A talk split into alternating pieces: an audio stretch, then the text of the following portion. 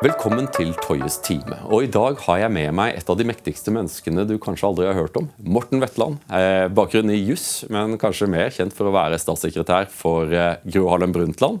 Eh, og du har vel også jobbet for eh, statsminister Stoltenberg. Og du var statssekretær også under Jagland-regjeringen. Har vært norsk ambassadør i New York, i FN. og vi jobbet sammen. Det var en pen måte å si det på. Jeg var vel eh, praktikant ved ambassaden i Berlin da du var vår ambassadør i Berlin. Jeg vil gjerne ta starte i Berlin, for det var en veldig skjellsettende opplevelse for meg. Jeg setter veldig pris på at eh, du brukte en del tid på en ung mann som var på det aller laveste nivået. Hva var det som eh, gjorde at du investerte såpass mye i det å sørge for at Norge ble sett i Berlin? Dette skjer jo bare en gang eh, hvert tusen år eller noe sånt nå, at den europeisk sentral det største landet i Europa bytter hovedstad. Mm. Bonn eh, Jeg hadde jobbet i Bonn da jeg var ung diplomat eh, også. Og kom til Bonn et år før vi skulle flytte til Berlin. Og gikk gjennom planene, og da hadde vi bak oss en periode hvor Norge hadde sagt nei til EU for annen gang eller noe sånt, i 94. Og du hadde en lang kø av andre land som nå i dag er medlem både av EU og mange av Nato, mm. som hadde krav på politisk oppmerksomhet. Så øh, øh, min grunntanke med arbeidet og oppstarten der borte var at vi må få tyskerne til å interessere seg for Norge frivillig. For vi har egentlig ikke politiske På fransk heter det demandører. Altså, Vi har ikke noen krav. Det er ikke sånn at vi ber tyskerne hjelpe oss med å bli medlem av EU, slik som de hadde gjort veldig omfattende med, i begynnelsen av 90-tallet. Uh, og, og, og da, uh, da, måtte vi gjøre dette her, her og lære Jeg pleide å kalle det maktens koreografi i en ny hovedstad som verden aldri har sett før. Der var vi nykommere, uh, men alle tyskere var også nykommere. Og det første året etter at uh, kansleren flyttet tannbørsten sin fra Bonn til Berlin, så var det jo nesten ingen som turte å gå og legge seg fordi de kunne gå glipp av noe. Uh, I Bonn så visste man hvordan kalenderen så ut fra det ene året til det annet. Det visste man ikke i Berlin. Visste ikke hvor det måtte være når hva for å ha innflytelse og kjenne de riktige menneskene. Og, sånn. så hadde vi jo en praktfull ny ambassade som slo an fantastisk i Tyskland. Nordische Botschafter? Ja, de fem nordiske landene samlokaliserte eh, innafor et felles gjerde. Og det ble en sensasjon. Eh, og etter, da hadde vi jo mye kontakt med de andre nordiske landene, og de hadde forskjellige budsjetter og forskjellig temperament, og sånn, så vi jobbet forskjellig. Men når det gjaldt det å drive dette her, eh, nye landemerket i Berlin, så var vi nokså enige. Og så fant vi på eksempel sånne ting som at vi skulle få en av de største bussholdeplassene i Berlin. skulle få nytt navn. Det skulle ikke hete det det hadde hett i 50 år. Det skulle hete De nordiske ambassader.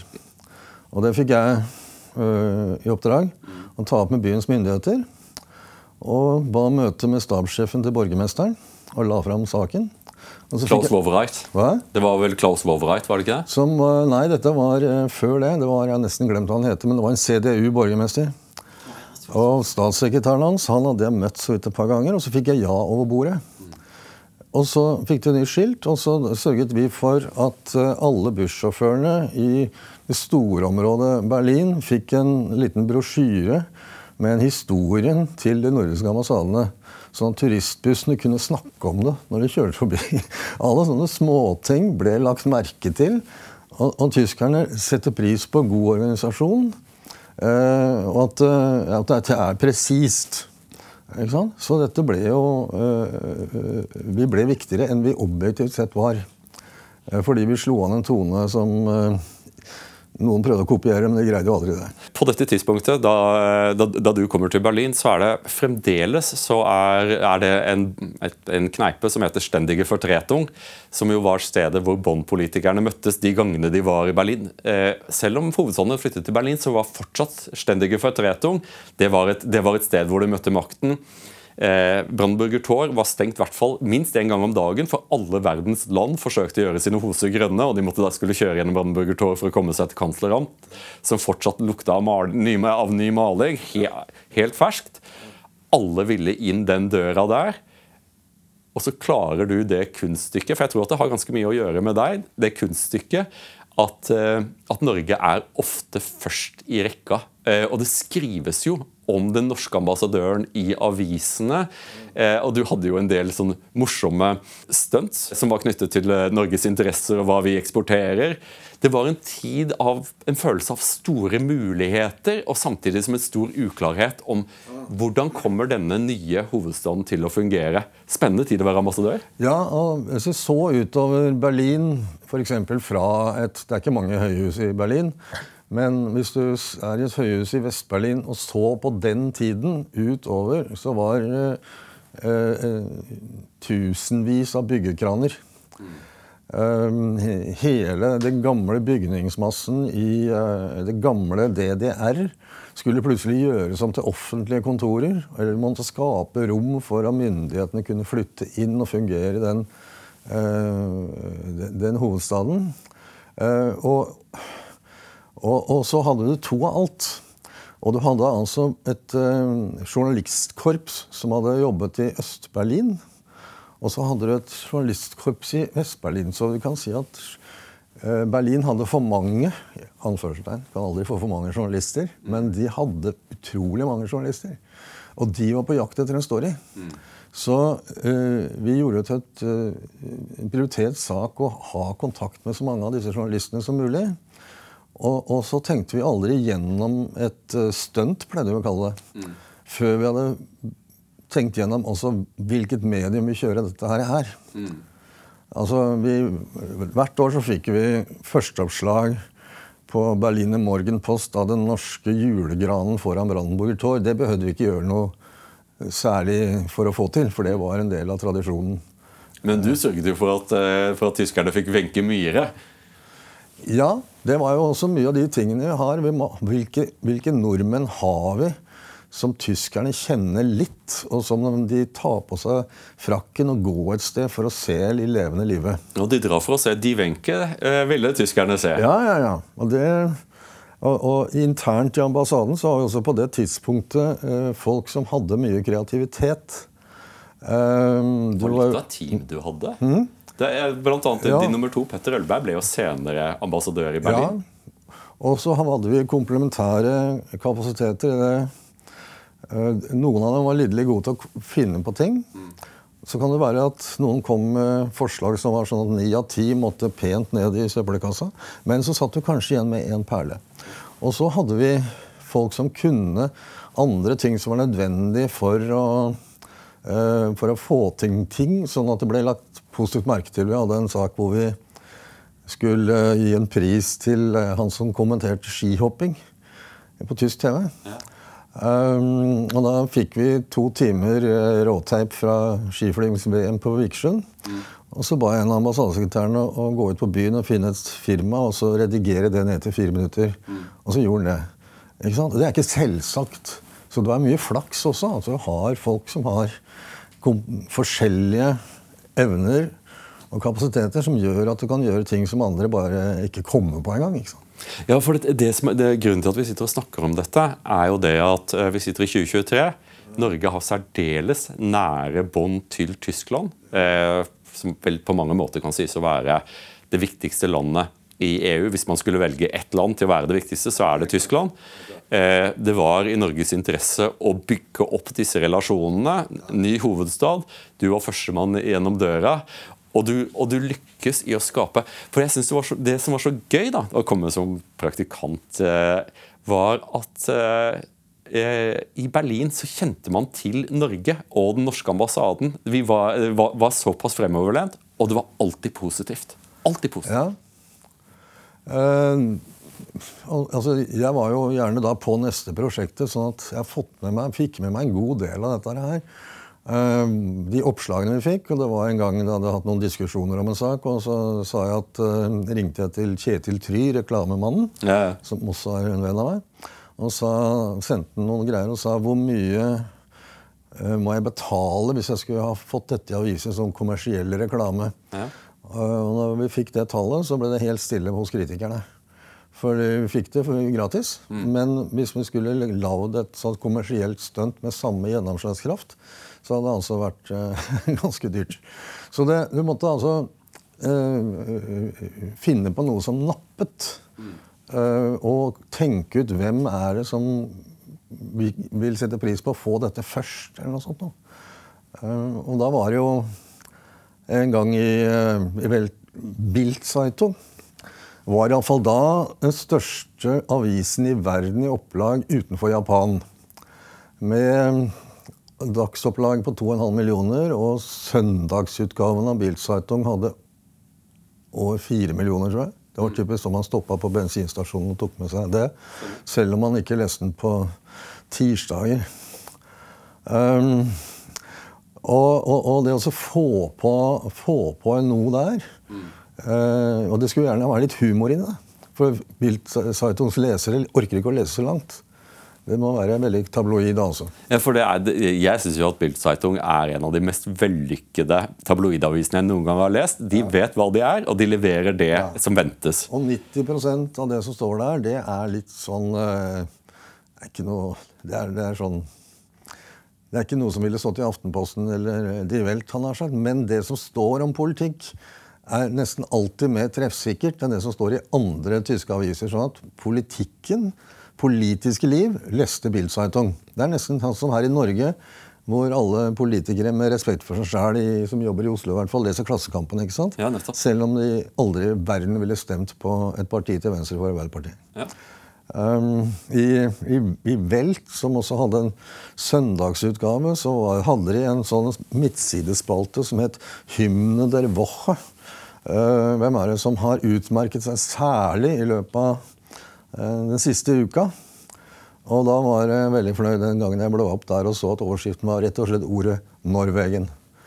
Uh, og da hadde vi lagd en, en TV-greie etter at um, Mette-Marit og kronprinsen hadde skulle på en reise, og så ble Mette-Marit forbrent pga. noen sånne lyskastere. Og måtte avlyse. Og så hadde vi den frekkheten etter inngående diskusjoner om vi skulle gi en pris til hun tyske TV-journalisten som hadde intervjuet Mette-Marit.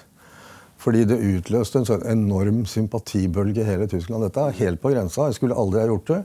Eh, og vi spurte ikke eh, noen i UD eller Slottet om lov til å gjøre det. Eh, og da fikk vi den, for at vi hadde forløst tyskere, som de skrev i Die Welt. Og, og, og med humor hadde vi sagt at ja, dere syntes det var forferdelig flaut at det akkurat var en tysker som skulle eh, forbrenne en som da var en av Vestens mest ettertraktede fjotoobjekter, nemlig kronprinsesse Mette-Marit. Um, og da, da, da, fikk tyskerne lave skuldre og var veldig takknemlig for at vi hadde gjort det. At jeg fikk meg en, en, en god del kjeft etterpå, det, Eh, det visste jeg jeg ville få. hvordan, eh, hvordan responderte kongefamilien på dette? Nei, det, eh, det tror ikke jeg skal si i media, for det har jeg aldri sagt eller skrevet noe om. Ja. Uh, for det var primært andre enn de personlig som hadde dialog med meg om det. da. Ja, for det er Av og til så kan det være slik at uh, noen ting som er klokt på statsnivå, at vi er ikke sure. Vi forstår at dette ikke var med vilje. Eh, og at dette er ikke en sak vi kommer til å vende tilbake til. Eh, gjort er gjort, er spist og spist. Eh, nå går vi videre. Vi, vi, vi, vi sørger for at det for, for, for blir god stimmung. Eh, eh, I Tyskland vet jeg at det fungerte veldig bra. For dette, eh, Tyskerne syns det var pinlig. De er jo veldig veldig realistiske på en eller annen måte. Det er et savn, tror jeg. Eh, og den norske kongefamilien er, det er De er viktige i Tyskland eh, og figurerer ukentlig i, eh, i disse bladene som skriver om kongefa- de kongelige. Det merka sikkert du, og jeg merka det veldig alltid, den der lengselen etter eh, kongelighet. Og, adelige titler og sånn. De har fortsatt en del adelige titler, men det kaller mer på smilbåndet enn på, på noe annet i Tyskland. Da. Så de er eh, enten egentlig mye mer opptatt av den norske kongefamilien enn det vi er i Norge. Men det er også Det kan kanskje styre oss inn på Tyskland 2023. og Nå skal jeg si noen ting, og så, og så kan du være, være, uenig. Mitt inntrykk er at eh, i Tyskland og i Norge så ble eh, Angela Merkels lange kanslerperiode, den lengste eh, nest etter, etter Bismarck, eh, sett på som svært vellykket. Eh, Angela Merkel var, symboliserte stabilitet, forutsigbarhet og for å være helt ærlig, også klokskap. Eh, diplomatisk og innenrikspolitisk. Og da hun gikk fra makten, så eh, tenkte nok, var det nok også en sånn følelse av hva skal vi gjøre nå? Eh, matmora er borte. Eh, kanskje litt sammenlignbart med din tidligere sjef Gro Harlem Brundtland. En så dominerende skikkelse. Mm. Men nå, i 2023 Tyskland er i resesjon. 20% av Mittelstand, de små og mellomstore eh, industribedriftene, er i ferd med å flytte fra Tyskland. Det er energikrise. De har lagt ned atomkraften. Og plutselig eh, så er avisene fulle. Jeg var i Storbritannia for et par dager siden. og The Guardian, Telegraph, Times og Financial Times hadde alle sammen samme overskrift. The sick man of Europe. Tyskland har igjen blitt Europas syke mann. Og nå ser det ut som at man begynner å ettergå arven etter Merkel. Eh, man sier hvorfor i all verden bruker vi faksmaskin i dette landet fremdeles? Hvorfor investerte vi ikke i infrastrukturen vår? Hvorfor satt Kristoff Heusken, som vi begge to kjenner, og flirte av president Trump da president Trump sa at dere må få eh, bedre energisikkerhet, dere er altfor avhengig av Russland. Eh, og plutselig så har den beundring, som var nesten unison eh, for, for tysk styre, slått over i noen ting langt mer kritisk. Eh, og et Storbritannia hvor det ikke går fryktelig godt, så ser det ut som at man finner en eller annen sånn bister glede i å påpeke flisen i den andres øye. Hva tenker du, hva tenker du om et slikt utsagn? Først og fremst at eh, britisk presse de eh, bruker svære ord. Så de syns sikkert at, er, at de har regna ut nøye på dette, at det selger aviser, i den grad man ennå selger aviser og ta og klå tyskerne noe grundig. Sånn at sånn er erfaring, I den grad jeg har noen erfaring med britisk presse, så, så, er at de, eh, de, er mer storkjefta enn andre lands uh, aviser. Uh, og det der med, med Tyskland i resepsjon og sånn uh, Ja, men det har jo for så vidt Sysselsettingen er ålreit. Det de sier, er jo at Eller jeg plukker opp, er jo at ordreinngangen Eh, fikk seg en knekk under korona. Eh, og fortsatt eh, så har en god del av næringslivet i Tyskland ikke helt kommet seg opp igjen, men det er langt fra helt gærent. og um, noe som tyskere alltid er veldig opptatt av, enten det er privat eller offentlig, det er dette med gjeld. Schulden, tysk ord. Tyskere prater mer De prater seg selv ned, etter mitt skjønn. Altså. Fordi jeg la merke til det da jeg bodde der første gang, at tyskerne snakket så mye om hvor dyrt det var. Og hvor stor gjeld det offentlige hadde. Og det regnes jo nesten ikke som stuereint i Norge å sitte en hel kveld i en eller annen sosial sammenheng og snakke om at man syns at ting er dyrt. Eh, vi, vi, gjør det. Eh, særlig nå som vi har hatt den inflasjonen. Men ikke sånn som eh, tyskere. Altså, så de snakker seg selv ned. Um, hvis du kan se på hva um, et, altså, hun, hun, holdt jo på i 16 år. Og Kohl holdt også på i 16 år, og Adenauer i 14, tror jeg. Du nevnte Bismarck som lengstsittende. Så tyskerne liker ikke å skifte, sånn som hos oss. Og hos oss så ser ut til å vi skifter i hvert fall hvert åttende år. Ja. Eller da skjer det et eller annet, og kanskje fornyelse osv. Tyskerne er ikke opptatt av det.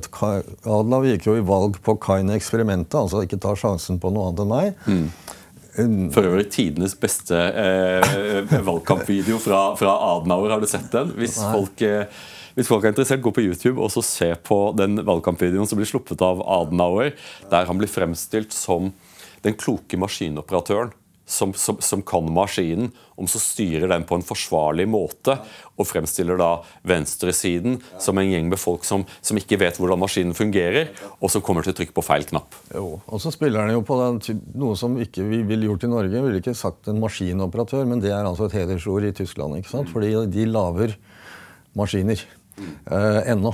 Eh, en god del av det som skjer med Tyskland, er jo en effekt av at Asia har begynt å spise seg inn på tyske markeder. Husker du, du husker vel ikke det, men jeg husker det at man i Europa lo av japanske biler. De du, dette her, er, dette her jeg, jeg, vokste opp på 70-tallet, og da var det riskoker vi ja. kalte japanske biler. Ja, ja, Bare tull! ikke sant? Var ikke noe kvalitet, det. Måtte ha tysk. vet du. Nei, nei, nei. Men nå har, jo tatt, nå har jo de som er tysk kvalitet. ikke sant? Og det pleide å være... Ja, jeg kjører Toyota. ja, det gjør du klokt i. For da slipper du å dra på verksted. Det er det jeg har oppdaget. Det fins ikke et Toyota-verksted i Oslo, tror jeg. Omtrent ikke, fordi de går ikke i stykker. De trenger ikke. Så de, de har tatt igjen på kvalitet. Men, men, det var jo slik fra gjenreisningen etter krigen 50-tallet, så var Made in Germany det var eh, en, en, eh, sånn stjerne mm. eh, i boka. Og det meg, ble minnet på en gang jeg var i Thailand for noen år siden. Og så på et marked og kjøpe noe greier. Og så kommer han selgeren og sier at uh, it's no fake. It's no fake, it's real made in China. Ikke sant? Det hadde altså samme klang i manges ører fått mm. som Made in Germany, som var i seg selv Da behøvde du ikke mer forklaring på at dette er kvalitet enn en akkurat det. Så har du da uh, det der du var inne på, det, det blir litt springende, dette, men Eh, det, det var et tvingende spørsmål. Med, ja, med, med faksmaskiner. Ja. Kanskje ikke si det dagen etter at det har vært et uh, debattenprogram som handler om at helsevesenet i Norge de har faksmaskiner. Men det må være da de siste. Og, og uh, tyskerne har hatt en aversjon mot IT-samfunnet. Uh, og jeg, jeg lurer på hvorfor i verden det. Altså, dette er nå 20 år siden. altså skal gå an å kjøre tog fra Berlin til Hamburg, og så har vi ikke mobildekning på den turen.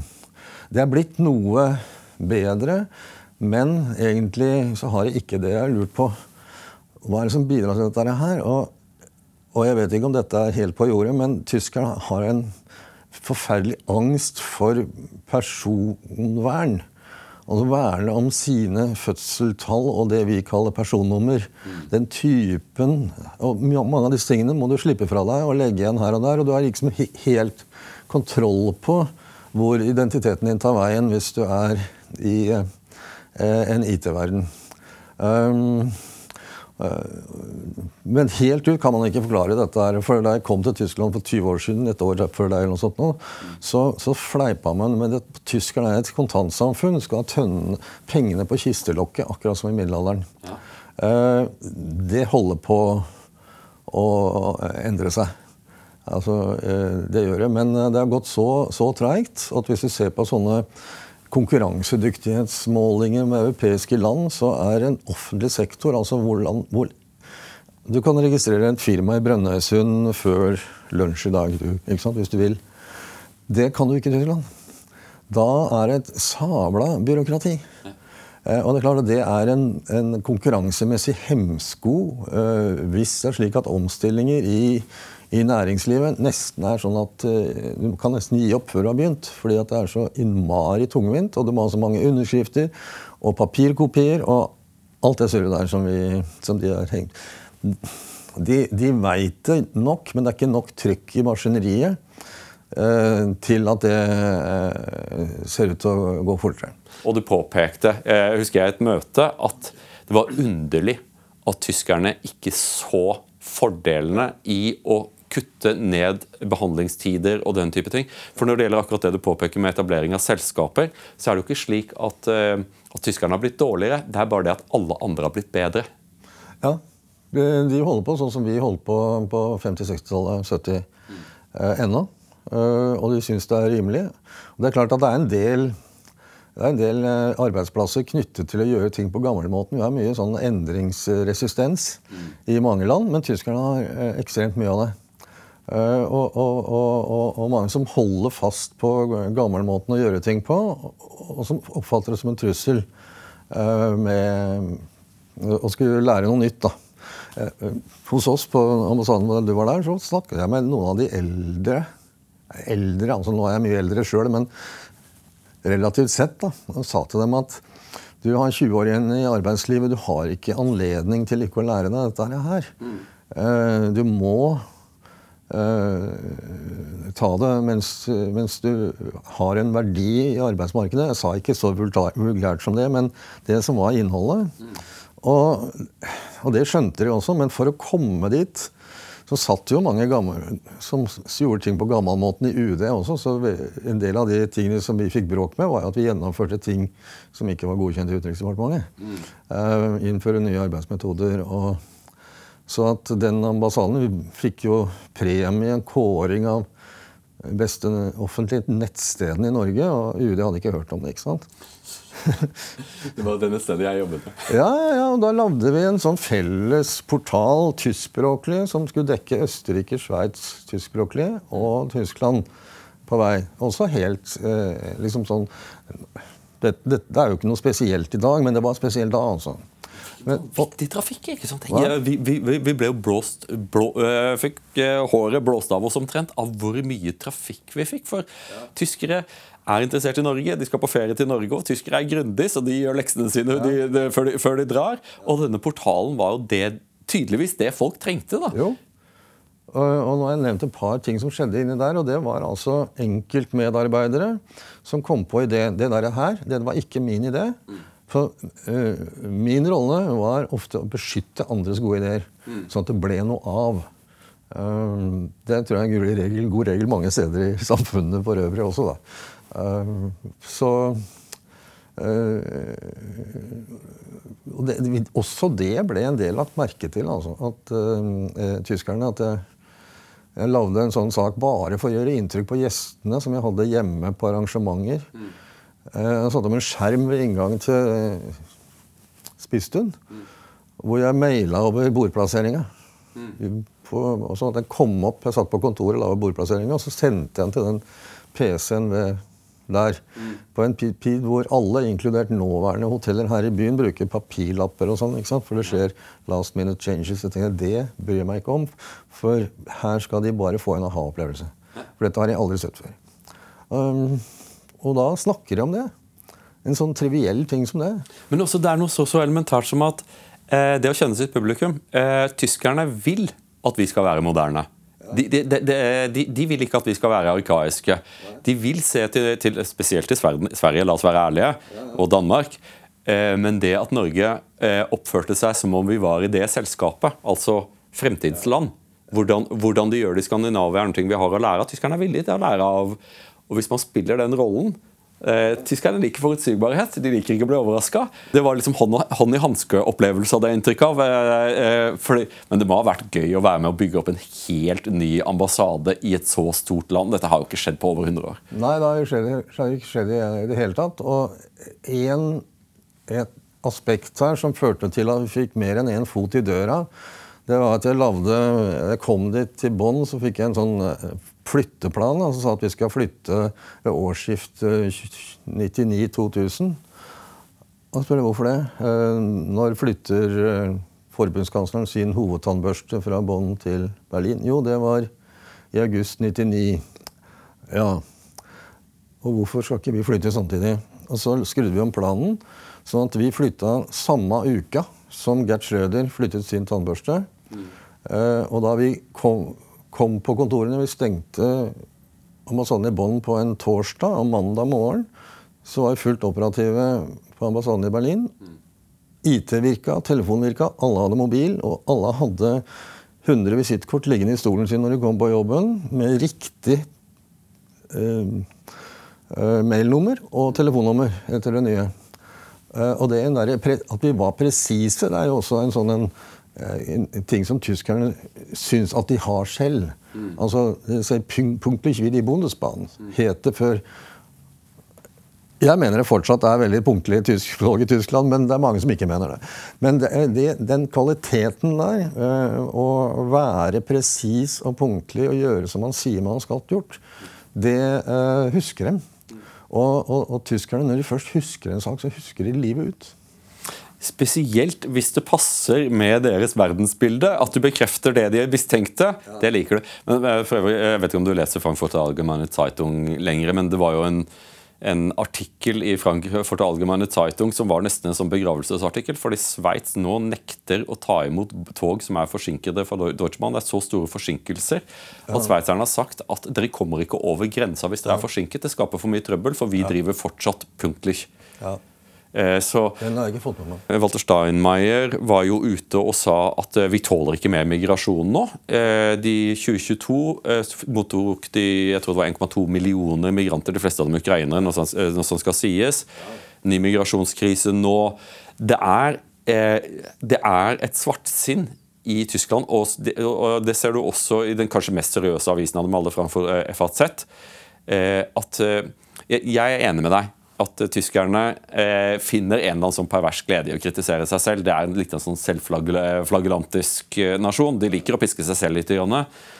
Eh, men nå pisker de seg på eh, i forhold til ting som de pleide å være stolte over. Dette, dette får vi til. Vi liksom vi, vi, industri, Deutsche Bahn Det ser nesten litt ut som oppløsningstendenser. For at FAZ har jo liksom vært bemannet muren mot den store trusselen. Alternativet for Deutschland. Alternativet for, Deutschland går jo som en kule oppover i meningsmålingene. Og det betyr for, i alle fall for meg at, eh, at, at tyskerne er litt grinete nå. Ja. Og, det har grunn til.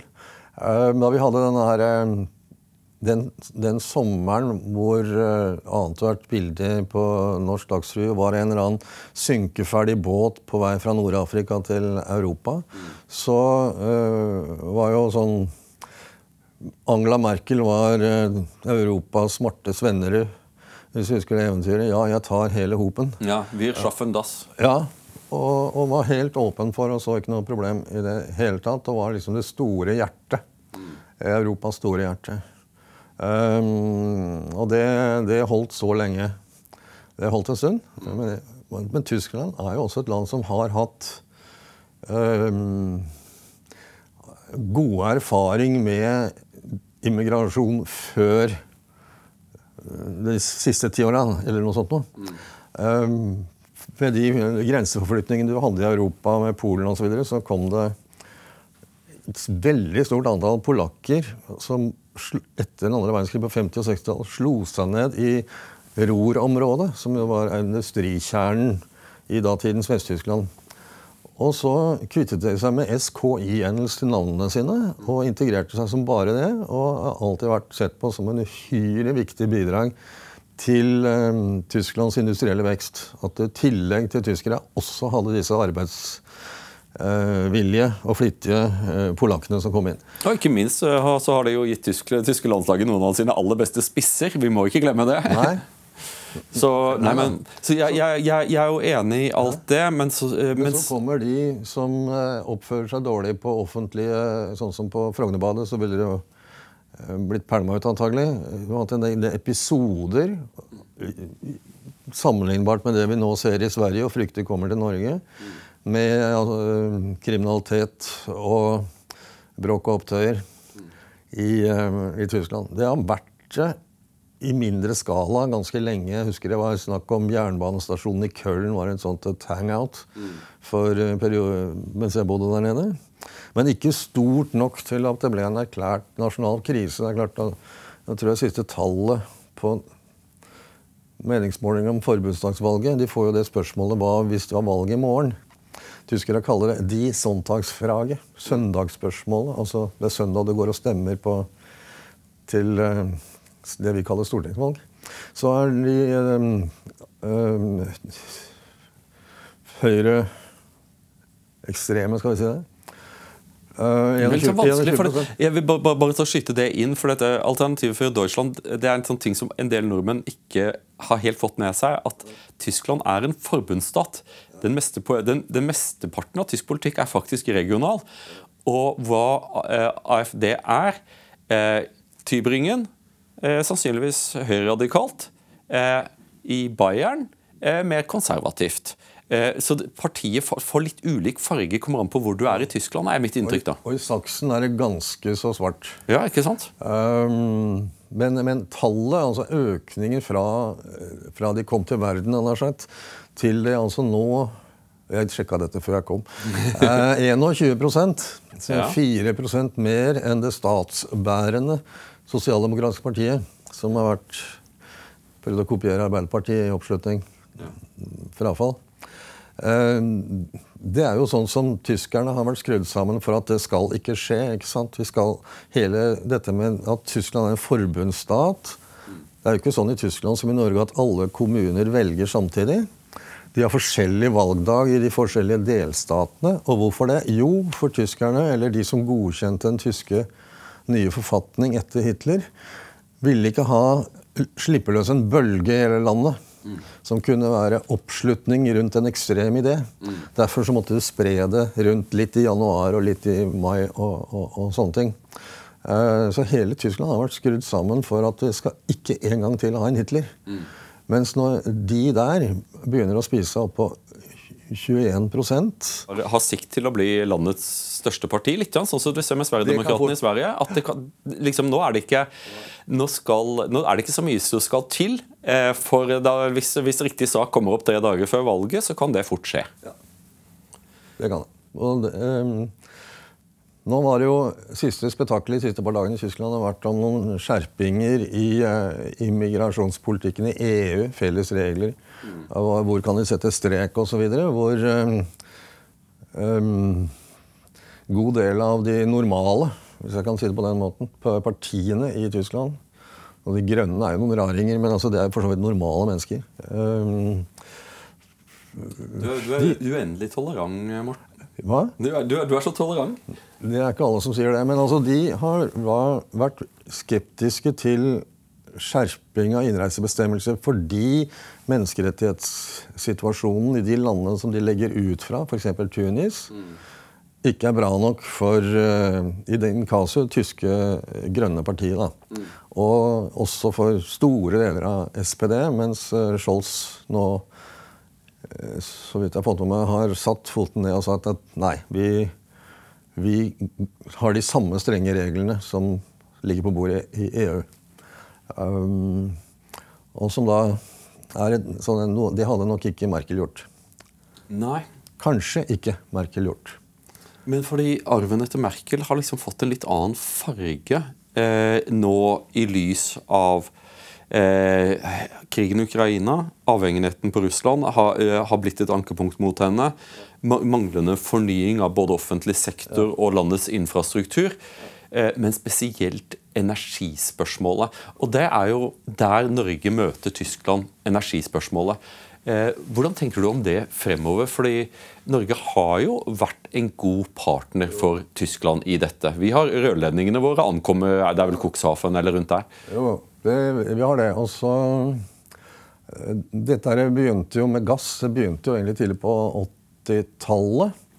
Eh, ved at eh, russisk gass skulle komme inn til Tyskland. Og, og, da var det jo sånn amerikanerne sa at jammen, vi har jo Trollfeltet. Mm. Og det ble jo folk gærne for i, i Norge. For da var det sånn at f.eks. Olje- og energidepartementet syntes det var jævlig fint at russerne eksporterer så mye gass fordi det skapte et marked for gass i Europa som Norge alene ikke ville ha opparbeidet. Mm.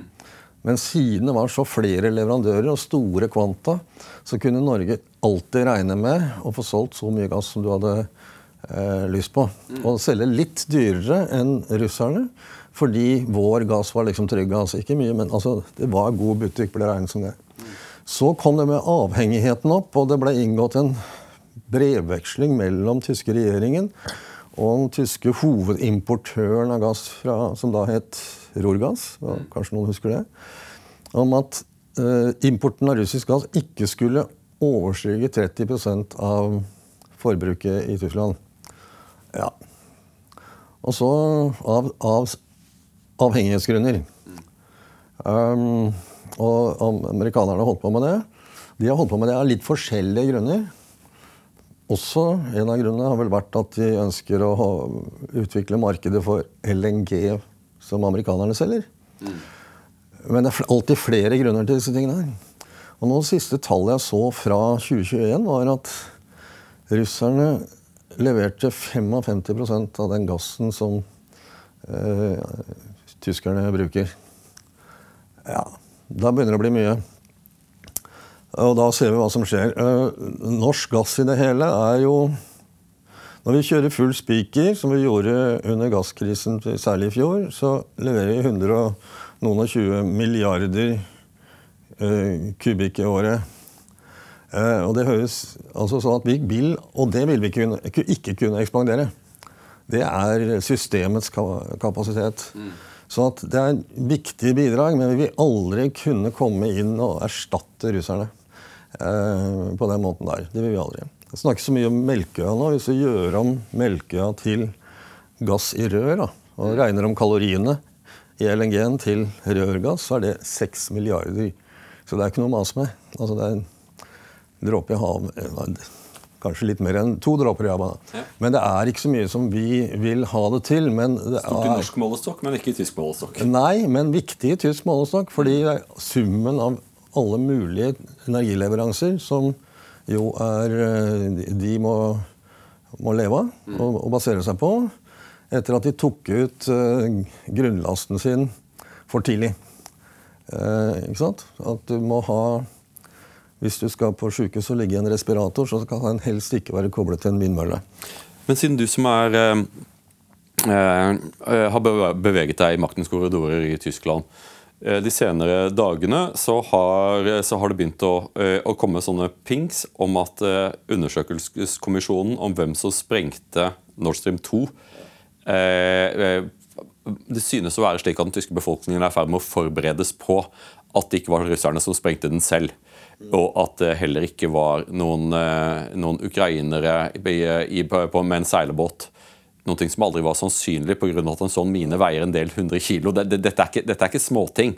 Hvis det skulle komme frem at, at, at det ikke var noen av de to partene som gjorde det, hvordan tror du at en litt, en litt sur og til dels småpanisk tysk opinion vil ta, motta en slik nyhet? Nå skal jeg ikke si noe mer, for dette, vi begge to forstår at det vil være eh, å foregripe begivenhetene.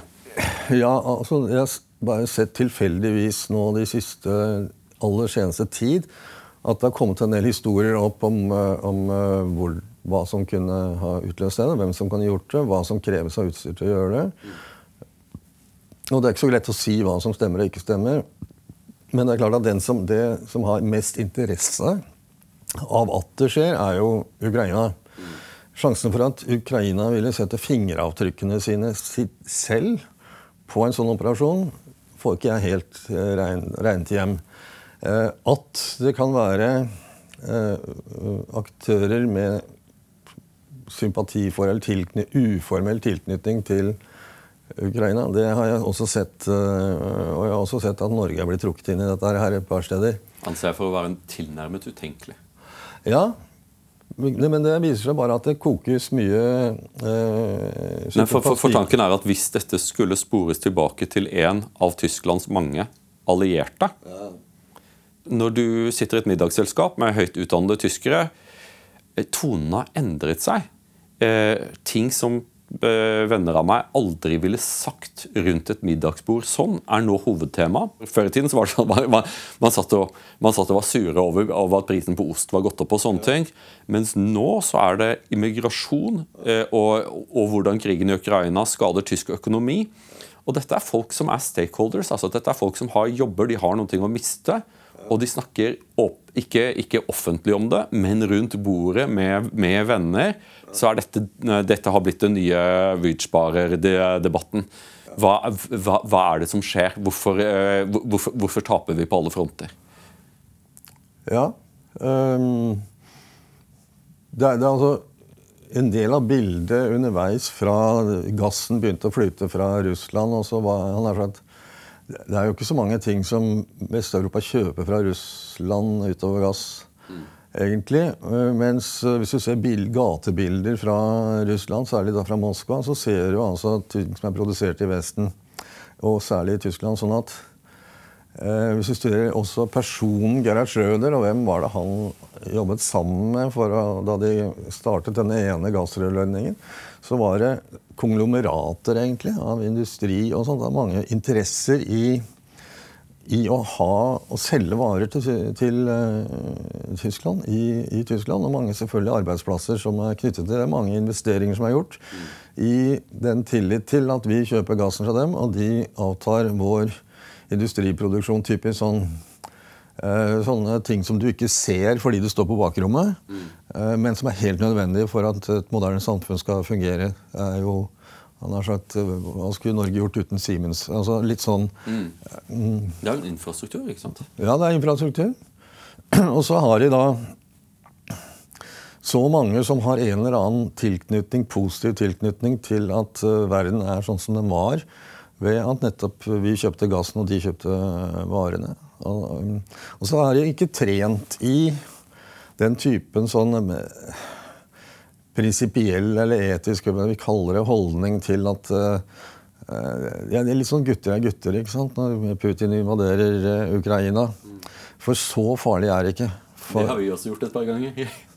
Ja, russerne er også Og så er det noe, altså mange begrunnelser her. altså Mange russere som har langsiktig dårlig samvittighet for alt det ugagn de stelte i det som fortsatt er Russland, og som da var eh, Sovjetunionen.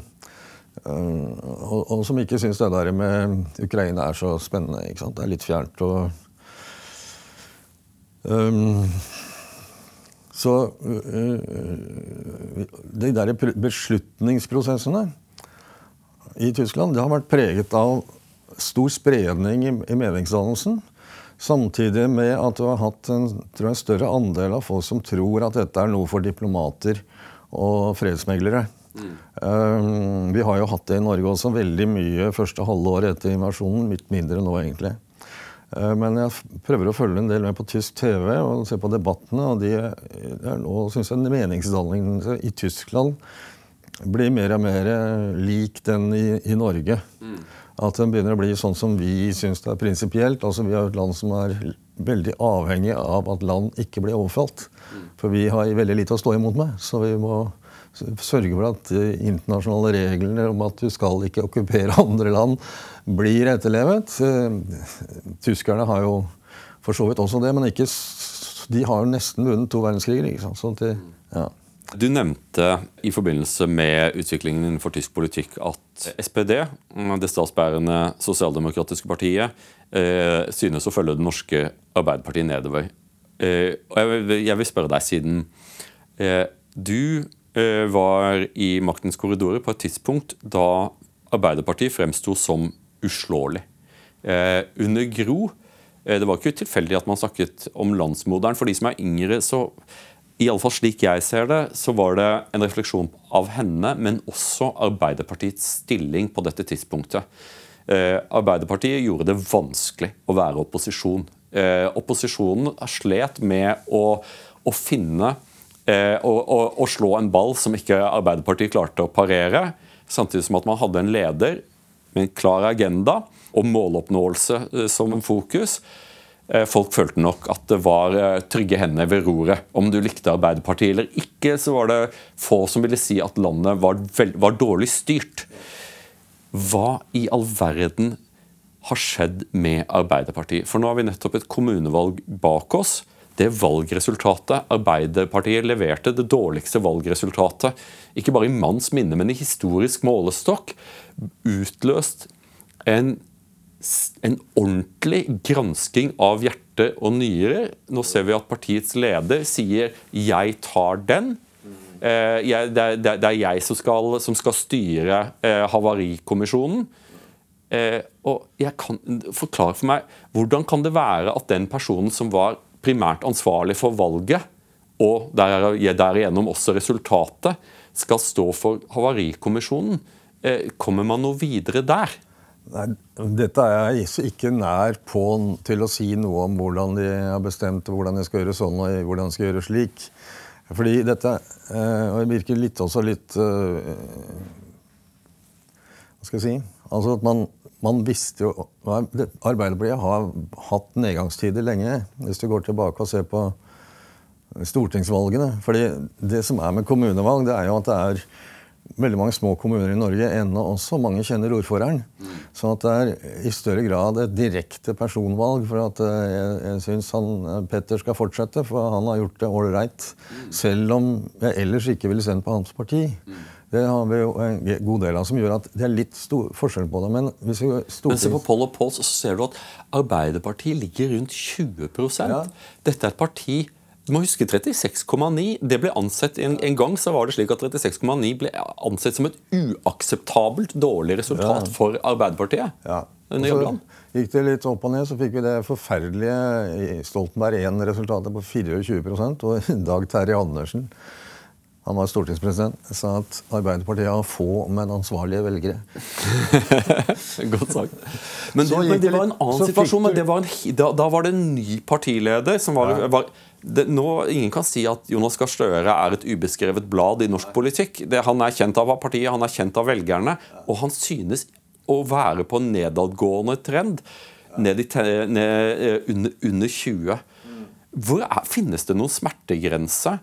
For, Nei, altså, og hvorfor bytter man ikke leder? Eh, ja, men eh, For det første så er jeg er en has-been i denne forstand. At jeg har ikke mitt daglige virke i Og jeg er en never was-been. Men, men, men, vi er borgere i dette landet. Jo, men altså det som har skjedd samtidig, er at vår Merkel han har sett, helt til for en uke siden, Erna Solberg, hun har jo uh, greid å spise i sentrum i norsk politikk.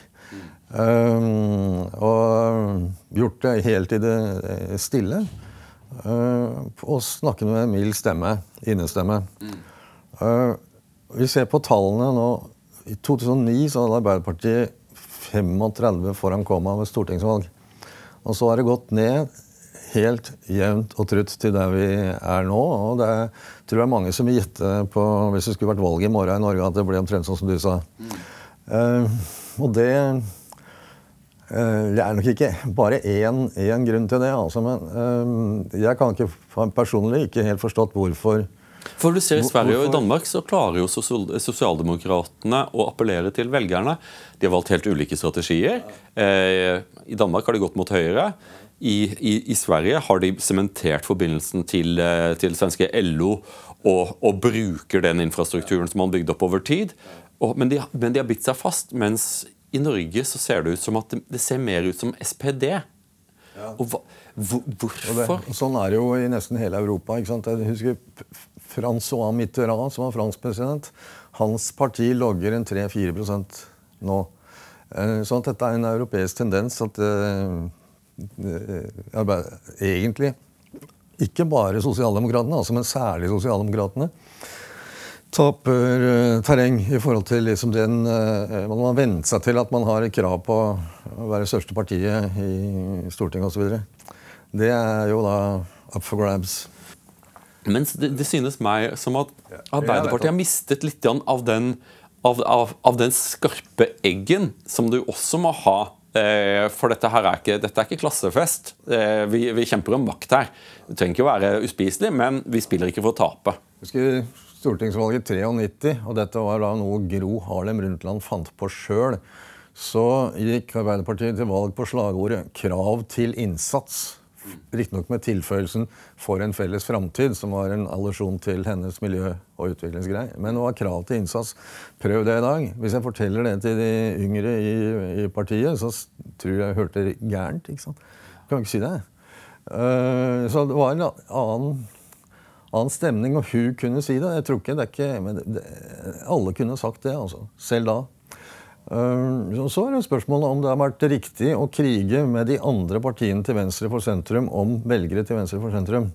Uh, for det endrer jo ikke noe på hva du sitter igjen med som andel i forhold til et flertall i en forsamling. ikke sant? Mens uh, særlig da Høyre i, sånn det stille har spist seg inn på å flytte og besatt deler av sentrum. Uh, og spørsmålet er om det er noe å hente der. Men det er iallfall, tror jeg De må tenke sammen litt på hvor mye de gir til randgrupper i forhold til for, for, jeg tror mange er kanskje litt mer tradisjonsbundet enn, enn de er, altså. Som illustrasjon så så jeg en gang i forbindelse med gjenforening av Tyskland at det var spørsmål om disse kunne gjenforenes. Og Da var det noen som lagde en oversikt over hvordan vesttyskere på den ene siden og østtyskere på den andre siden responderte på tyske ordspråk. Mm. Og det var nesten likt. Mm. Så selv altså 50 eh, år med kommunisme og noen, en god del år med nazisme hadde ikke endra eh, liksom grunnsjelen i befolkningen. Mm.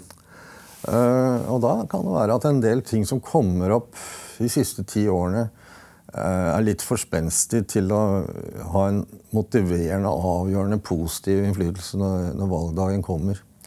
Det ser også ut til at um, andelen av LO-medlemmer som stemmer på Arbeiderpartiet, holder på å gå ned.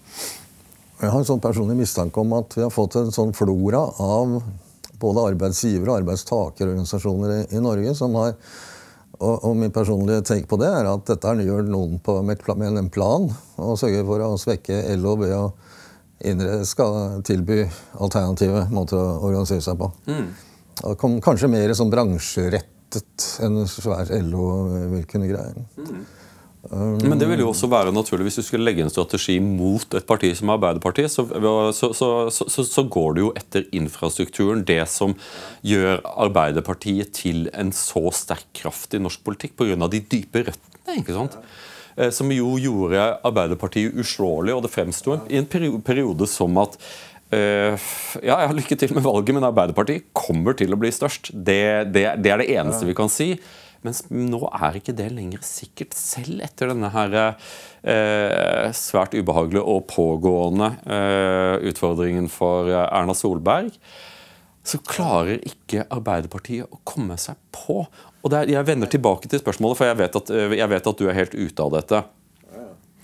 Men jeg kjenner mange i Arbeiderpartiet. Takk og lov for at vi er Norge. Jeg er jo, jeg jo blitt, jeg er jo nominert av Fremskrittspartiet til Nobelkomiteen. Jeg, jeg, jeg, er veldig glad i Fremskrittspartiet, selv om jeg ikke er medlem av det. Men takk og lov så er det slik at vi kan snakke sammen i Norge. Og Jeg snakker med mange fra Arbeiderpartiet, og det alle sammen sier, er at de ikke tror at Jonas Gahr Støre kan levere bedre enn det han leverer nå. Han har, han, han, han har gått opp til straffemerket. En, gjennom en rekke valg, og han får ikke ballen i mål. Hvorfor er det sånn at det partiet, som en gang i tiden også var kjent for å være brutale, også med sine ledere, om at man, eh, hvis, hvis, hvis du ikke får det til, så, så, så, går nummeret ditt opp, og du byttes ut. Og vi får inn, vi får inn en annen. Hvorfor sitter Arbeiderpartiet i en situasjon der man får dårlige valg, og allikevel så er det ingen lederdebatt? Iallfall ikke som jeg ser. Det har jeg ikke peiling på, egentlig. Fordi det er jo ingen eh, åpenbare kandidater, alternativer. Tenk, vært... tenk, på det. at ikke Nei, fordi de er for unge. Uh, vi, vi, ser jo også det. Dette er for så vidt også ganske sånn Jeg vet ikke om Jonas har tenkt i de baner, men i mange andre land så er det jo vanlig at ledere sørger for at de ikke har noen kronprins eller kronprinsesse. For ellers så blir det en sånn egen kraft som driver og stanger for å komme opp. Eh, så eh, sørg for at det ikke skjer. Det tror jeg ikke har skjedd i Norge, altså.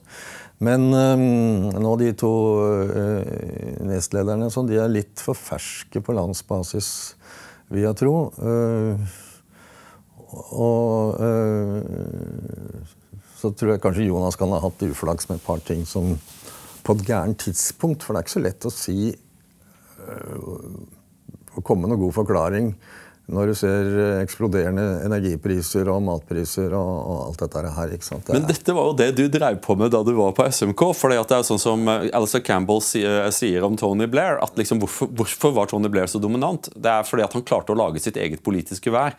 Altså, Han klarte å sette agendaen og sette premissene for agendaen.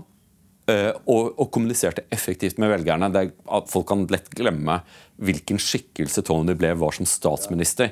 Eh, I ettertid så, så har hans ettermæle blitt mer problematisk, men som praktiserende politiker så var han formidabel. Men hvorfor klarer ikke Arbeiderpartiet å komme seg på? Uh, nei, det kan, jeg ikke, kan jeg ikke svare på, annet enn at jeg personlig har etterlyst en større innsats fram mot sentrum i norsk politikk. Mm. Uh, det ligger i det jeg sier, at jeg tror ikke at all den uh, klima- og, og, miljøinteressen som At du skal også konkurrere med MDG og Venstre. Mm. Altså, Guri Melby har jo en frekkhetens nådegave. Sagt en gang på TV at Venstre skal redde klimaet. Uh, og da må, tror jeg de har tatt en lite regnestykke på uh, 5 %-parti i et land med 5 millioner innbyggere i en verden med hva, redde, ja, 8 milliarder. Så det er så dumt som det. Ja. Men hun er jo ikke dum, så hun må jo vite hva hun gjør. At det er ikke, hun, hun, hun ikke, driver kriger om de 2-3 prosentene som tror at kanskje Venstre kan redde klimaet. For det er ikke nødvendig slik at mange klima er ganske komplisert. Mm. Altså vi kan, I Norge kan vi løse så å si alle miljøproblemer vi har unntatt klima. Uh, og noen ganger underveis har jeg sammenlignet husk, Husker du liksom SO2? Sur nedbør. Det er nesten ingen som snakker om lenger. Mm. Uh, men det vil jeg si var sånn uh, mellomdistanserakettproblemstilling, mens klima er, er noe annet. Og, Så du mener at Arbeiderpartiet bør double down på klima? Ikke, ja, min, begynner slutt, ikke snakke så mye om uh, de globale, nasjonale klimamålene, for, uh, men om klima som globalt problem. Sagt, hvis vi ser på at Norge slipper ut 0,15% av globale utslipp Selv Tyskland, svære Tyskland, 83 millioner innbyggere, slipper ut 2% av verdens klimagasser. Så så det, det, vi faktisk gjør, er jo at vi um, For det første er det ikke noe land i verden som har så høy fornybarandel som Norge har i sin energimiks. Uh, og jeg husker jeg var innom i Olje- og energidepartementet som, um, som statssekretær i tre kvarter. Så ba jeg en gang om å få oversikt over hvor stor klimabelastningen var ved én produsert kubikkmeter norsk gass, en produsert kubikkmeter hollandsk gass og én produserer russisk gass. Og så sa de nei, det, det pleier vi ikke å snakke om, for det, de blir så sure nede i Nederland og i Russland hvis vi gjør det. Ja, men skal, det spiller ingen rolle. Jeg skal ha deg til det foredraget. Og nederlandsk gass hadde en tregangeren klimaeffekt av den norske gassen. Og russerne hadde åttegangeren den norske. Dette hadde med lekkasjer og altså selve produksjons prosessen å gjøre. sånn at Norge hadde altså den mest klimavennlige da, måten å produsere og levere gass på. Morten Wetland, tusen takk for at du sier det. For, bare for å supplere der. Det var en stor undersøkelse gjort ved Stanford University der de finner ut hvor miljøskadelig olje er. Eh, der de da graderer eh, alle oljeprodusenter. og Det er også i forhold til det du sier, lekkasjer og sånne ting. Eh, verdens reneste olje, Danmark, men de har, har, mer eller mindre stengt ned. Nummer to på listen, norsk nordsjøolje. Så og det er viktig at folk forstår at hvis vi skal bruke olje i verden, og det kommer vi til å gjøre, så er det i verdens og klimaets interesse at det er nordsjøolje. Pga. at det er, det er, den reneste oljen i verden. Og Hvis vi legger ned og stenger, sånn som SV og MDG gjør, og sånt, så eh, øker de produksjonen i Venezuela, som er den verste. Ja, Orinoco Crude er det, er det aller verste, stemmer ja. Det vi snakker om nå, det er litt for langt til å ta det i lange resonnementer. Men øh, jeg tror at i et land som Norge, som så mange arbeider eller har en slektning eller venn som arbeider i tilknyttet da, olje- og gassindustrien Samtidig så har vi ganske mange som kan ganske mye om vannkraft. For vi har 1600 vannkraftverk i Norge spredt rundt i det ganske land. Og mange har det i kommunen sin, og mange sitter i styret i små kraftverk og sånne ting, og kan en del ting. Så det er liksom ikke lett å lure. Eh, de kan kanskje mer og forstår mer av dette. Og hvis de oppfatter, tror jeg da, at det som blir sagt, ikke stemmer, så er det mulig ikke bry seg om det. Eh, men jeg tror ikke du vinner oppslutning på å, å si eh, ting som er høyst tvilsomt om det stemmer. Så jeg tilhører den andre siden av politikken, og det har jeg vært ærlig om. Men så som Rishi Sunak, britiske statsministeren, gikk nylig ut og sa at vi kommer ikke til å redde klimaet gjennom å rasere det britiske folks økonomi. Og så satte han eh, klimamålene på vent og sier nå er økonomer Og du ser at det som var en ganske sånn moderat populær statsminister, plutselig så ser du partiet fylker seg bak han, avisene fylker seg bak han, hans popularitet stiger, han snakker som en Tory-statsminister. Eh, det samme gjelder eh, danskene, når statsminister Jette sier at Danmark eh, vil gi blanke i hva andre land måtte gjøre. Vi kommer til å gjennomføre den strenge innvandringspolitikken som Folketinget har bestemt. Det beroliger danskene, og så ser du at en del folk, kanskje, kanskje også i min kategori, altså som, har, som, som har en respekt for sosialdemokratene, ikke hat, som har en respekt, plutselig eh, blir litt annet, at da, da, begynner man å tenke på styringsdyktighet og sånne ting. At ja, men eh, ja, ja, eh, jeg er ikke rød, men ikke sant, jeg vil at det viktigste for meg er at landet er godt styrt. Sånn tror jeg at veldig mange voksne tenker. At det kan eksperimentet. Vi, vi, vi, forstår at dette her er ikke noen ting for, for nybegynnere. Hvorfor, hvorfor klarer ikke aldri Arbeiderpartiet å komme ut så tydelig å lese, lese rommet. Det blir for sweeping for meg, altså. For det fortsatt er Arbeiderpartiet så, så, stort at du har en bred spektrum av meninger inne i det partiet. Mm. Og, og mye av det kan man se i, i altså Det er klart det er en viss nøling med å komme med sånne enkeltpersonsmeldinger eh, når eh, du ligger nede og blør blød neseblod. Mm. Så hvis vi ser på Jens Stoltenberg greide å overleve ved å snakke om trygg økonomisk storing, mm. og vel så det. I 2009-2010, da vi hadde den internasjonale finanskrisen. Men, men, det var altså i hovedsak en finanskrise. Mm. Uh, og det er ikke mange som skjønner noe av. Men man trodde at Jens kunne det. Mm. Og det, stemte. Og det stemte. Ja. Altså, Jens har jo en av de beste økonomiske eksamener i etterkrigstida i Norge. Så, det, jeg pleide å fleipe med at uh, han syns det er dobbelt så morsomt å sitte og, diskutere økonomi i fire timer med de smarteste folka i Finansdepartementet som å sitte i to.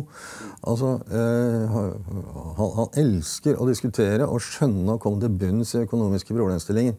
Det, jeg sier ikke dette for å si at ikke Jonas Eh, er flink i, i, dette. fordi han har tross alt vært på innsiden av styr og stell i Norge så mange år.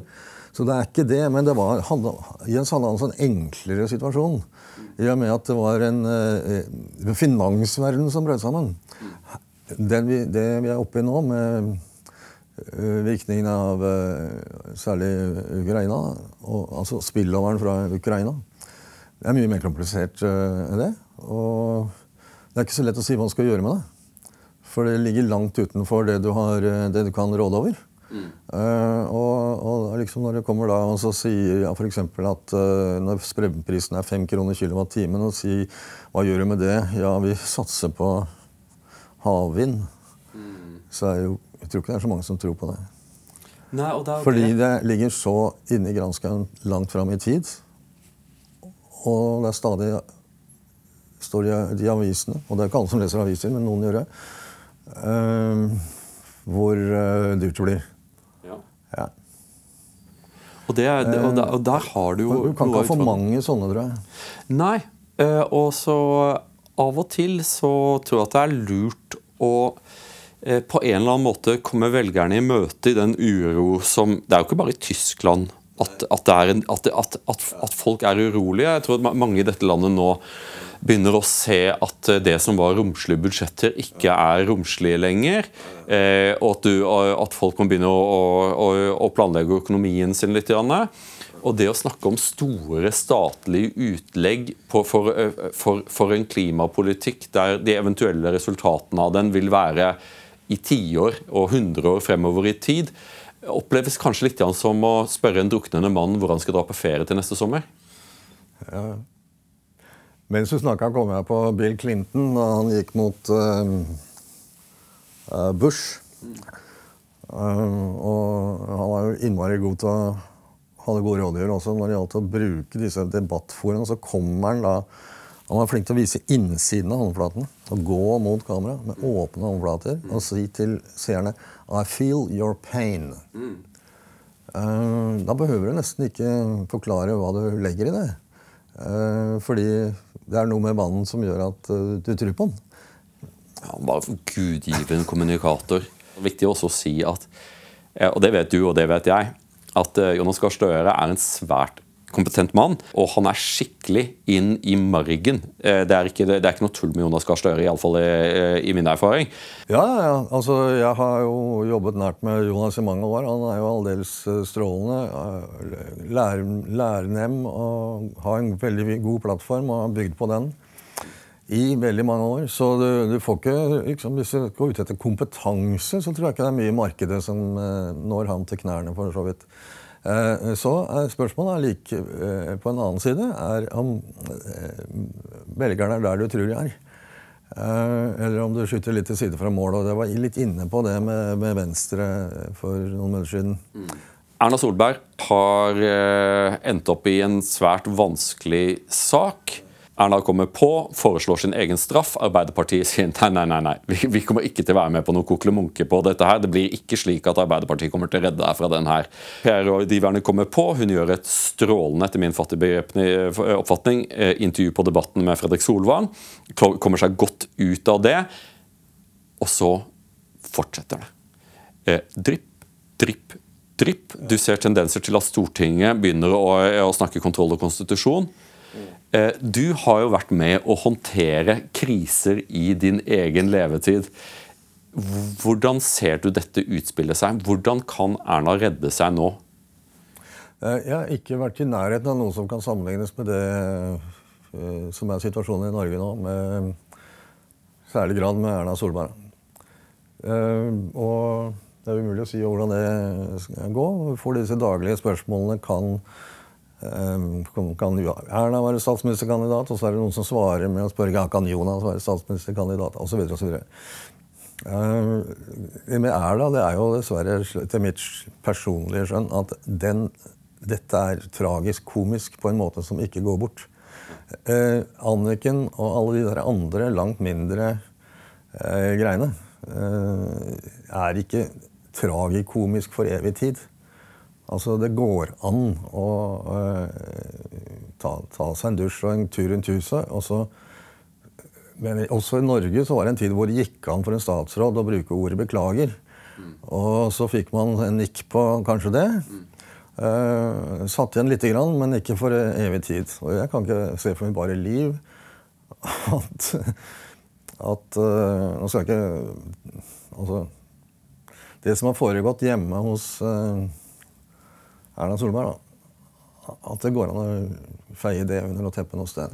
Men de synes å tro at det på en eller annen måte skal blåse over? Jeg leser det på samme Nei, måte som deg. jeg tror ikke at det blåser over. Jeg tror, ikke, jeg tror det, det, vil hefte noe sånn akkurat sånn Roar Hagen i VG, karikaturtegneren der. Han, han tegnet jo reinsdyr på alle bilder av Jens i 10-15 år etter at Jens hadde vært på reinjakt og skutt en tamrein. Og Jonas får aldri være med uten flosshatt for å minne Nei. han om, eh, om hans familie. Så, det, så det, er, eh, det er eh, Roar Hagens måte å innflytelse i det norske samfunn på. Det er hans tegninger. Tror du han vil slutte å tegne ektemannen til Erna Solberg to skritt bak? Men, men Roar Hagen er jo vår Bildzeitung. Det er akkurat det du sa med Bildzeitung. at Det er bildet, det er overskriften, og det treffer. Det er politisk vanskelig ofte. Og Roar Hagen har jo den evnen. For jeg har inntrykk av at veldig mange får med seg dette. Dette deles på Facebook omtrent hver gang han tegner noe.